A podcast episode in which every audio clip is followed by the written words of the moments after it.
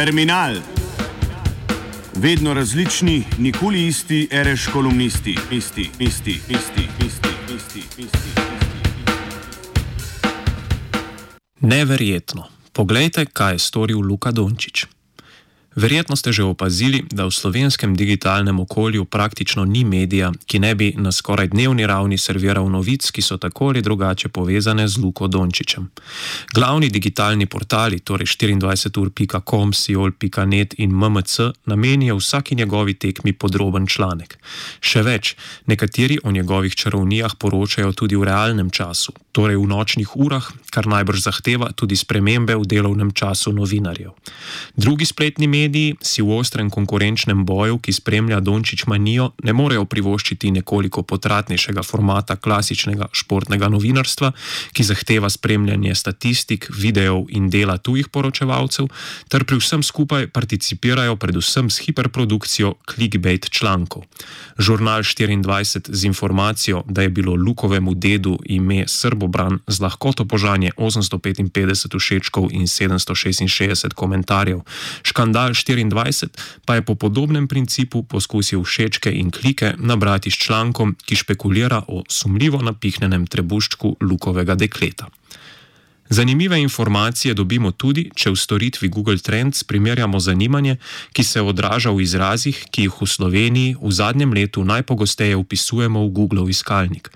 V tem kontekstu Luko Dončiča primerjamo denimo z Marjanom Šarcem ali Borutom Pahorjem.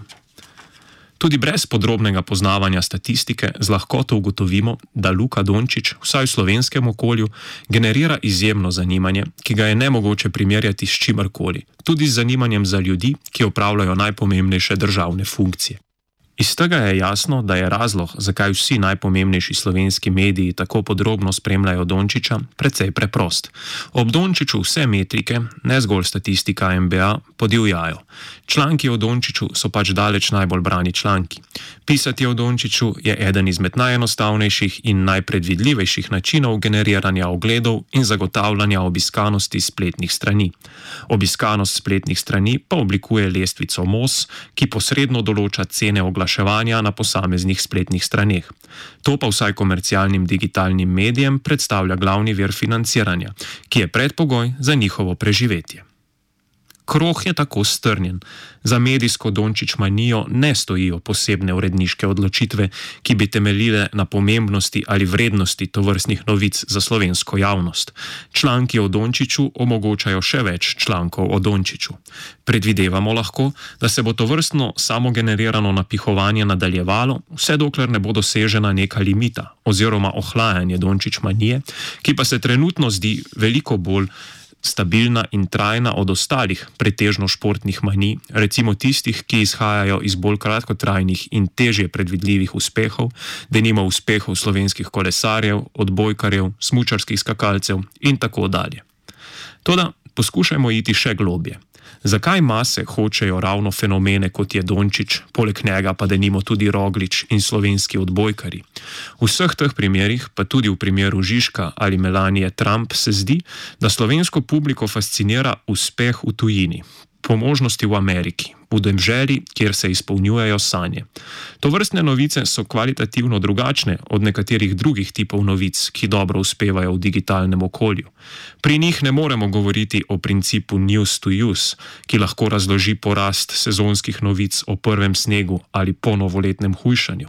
Prav tako ne gre za posebej sočno črno kroniko o, denimo, ne povsem na ključno odrezanih rokah. Dončić se ne slači in ne dela škandalov. Njegove izjave so, tako kot njegovo zasebno življenje, pretežno dolgočasne, a vseeno nekako simpatične in avtentične. Prav tako mu ni tuj princip rabe socialnih omrežij, kjer posebej bode v oči kontrast med izjemnostjo njegovega uspeha na eni in njegovo siceršnjo običajnostjo in vsakdanjostjo na drugi strani. Dončić, skratka, če tudi je makrocelebrity, ustreza formatu internetnega mikrocelebrityja, osebe, ki je paradoksno obenem izjemna in povsem neizjemna, torej takšna, kot so vsi ostali. Kot v svojem bestsellerju o milenicih iz leta 2017 argumentira Malcolm Harris, se distanca med zvezdniki in vsemi ostalimi še nikoli ni zdela tako majhna kot danes. Trditev Everybody is a star je torej mogoče brati tudi v obratni smeri. The star is everybody. Zvezda je lahko zvezda le, dokler je zvezda tudi slehernik. To vrstna struktura omogoča množično identifikacijo uživanje v Dončičev uspeh, ki je pravzaprav naš uspeh, in sočutje ob njegovi frustraciji, ki je pravzaprav naša frustracija. O tej nenavadni masovni identifikaciji in o tem, kako nekje v vzhodnji Evropi obstaja nek čuden majhen narod, ki spremlja vsak gib svojega rojaka čez lužo, z njim ustaja in zaradi njega ne hodi spat, poročajo tudi tuji mediji. Sicer je nasploh dobro znano, da so imeli športni uspehi tako imenovanih naših fantov v času slovenske samostojnosti ključni vpliv na spontano, tako rekoč subkulturno oblikovanje nacionalne identitete. Spomnimo se samo analize Petra Klepca, ki je znameniti navijaški vzklik, kdor ne skače ni slovenc, primerjal z Descartovim izrazom mislim, torej sem, torej s primarno negacijo, ki potegne črto med nami in tistimi, ki so zunaj. Toda pri identifikaciji z Dončičem gre za nekaj bistveno drugačnega. Gre za identifikacijo z izjemnim individualnim uspehom, s prehodom from nothing to something, s pobegom iz zatohle v Slovenije, kjer je izjemnost kaznovana z uravnilovko na zahod, v Ameriko, deželo uspeha. Dončič je slehernik, saj smo vsi mi made of stars. Vsi bi lahko na nek način bili Dončiči, vsi imamo zvezdniški potencial, če bi nam bile zvezde naklonjene in če bi nam uspel pobeg iz takšnih in drugačnih zatohlih luken, v katerih smo ujeti. In da ne bo pomote, nacionalna identiteta se na povsem podoben način tvori tudi v sosednjih luknjah. Spomnimo se samo nedavnega ekscentričnega govora Kolinde Grabar Kitarovič, ki je stavila na apropriacijo podobne masovne identifikacije z nekim drugim lukom. Citiram: Luka Modrič je kao moj sin, moj Lukica. Ali da znate, koliko takvih luka diljem Hrvatske živi, koliko je takvih Lukica vsakodnevno susrečem in želim pomoči. Konec citata. Luka je mi vsi, skratka, in mi vsi smo Luka. Očitna razlika med vse splošno bedo Next Door Luke in razkošjem Luke superzvezde univerzalne identifikacije z izjemnim uspehom ne postavi pod vprašaj, temveč jo sploh primarno utemelji. Luka ne živi življenja slehernika, temveč živi slehernikove sanje, njegov American Dream. O neoliberalni subjektiviteti, ki sanja o uspenjanju z dna na vrh družbe in tako posledično utemeljuje razredno razslojenost, je bilo zapisanega že mnogo. Kritična leva misel v tovrstni subjektiviteti, ki jo zanima le individualni uspeh in ki se požvižga na plačevanje davkov, spomnimo se le na Rogliča in njegovo preselitev v Monako, ponavadi ne vidi zaveznika, temveč sovražnika, ki se mu je treba zoprstaviti z bolj kolektivističnim, solidarnejšim, skromnejšim, realističnim in materialističnim principom identifikacije. Gotovo je to ena izmed možnih poti, čeprav sam vidim večji politični potencial v nasprotni smeri, v dovršitvi neoliberalnega principa subjektivitete. Princip Vsi smo Luka Dončić je, kot rečeno, kvalitativno drugačen princip identifikacije od tistega, ki je v besedenu geslu Kdor ne skače, ni slovenc.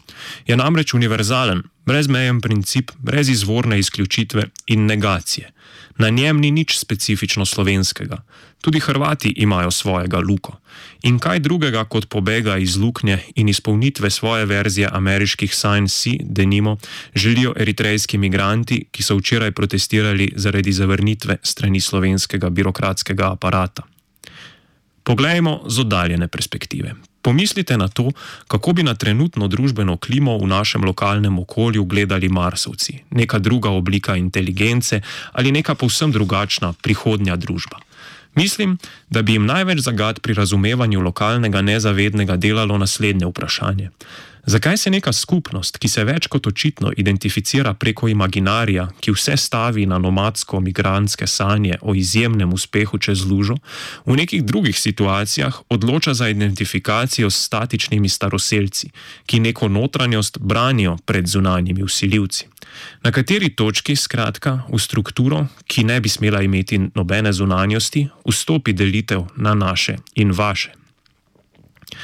In morda je včerajšnji protest beguncev, ki so na vkljub kulturni raznolikosti pokazali solidarnost z Eritrejci, nakazal potencial nekega novega principa solidarnosti, ki je drugačna tako od nacionalne, kot tudi od stereotipne sindikalne solidarnosti, ki sta obe ponavadi utemeljeni na članstvu in izključitvi zunanjosti, torej na principu, kdor ne skače, ni slovenc. V nasprotju s tem včerajšnji protest beguncev, ki je sicer naletel na veliko manjši medijski odmev od včerajšnjih uspehov Luke Dončiča, kaže na potencial medidentitetne solidarnosti. To tudi ni solidar solidarnost z neko ubogo, deprivilegirano drugostjo, ki bi jim mi, ne migranti, radi pomagali, temveč je to solidarnost med vsemi, ki smo zunaj, ujeti v luknjah in ločeni od svojih sanj, ne glede na razlike med nami, torej solidarnost med vsemi, ki bi radi in bi lahko bili luke, tudi eritrejci.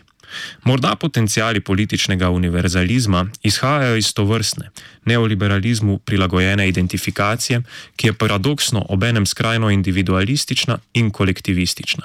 Obenem je razlog za razredno razslojenost in morda tudi potencijal za njeno izničenje. Vsi smo Luka in We are all made of stars.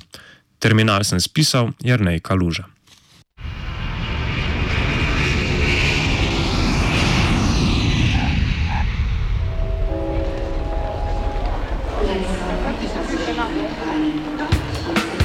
Terminal. Vedno različni, nikoli isti, ereš kolumnisti, isti, isti, isti, isti, isti, isti. isti.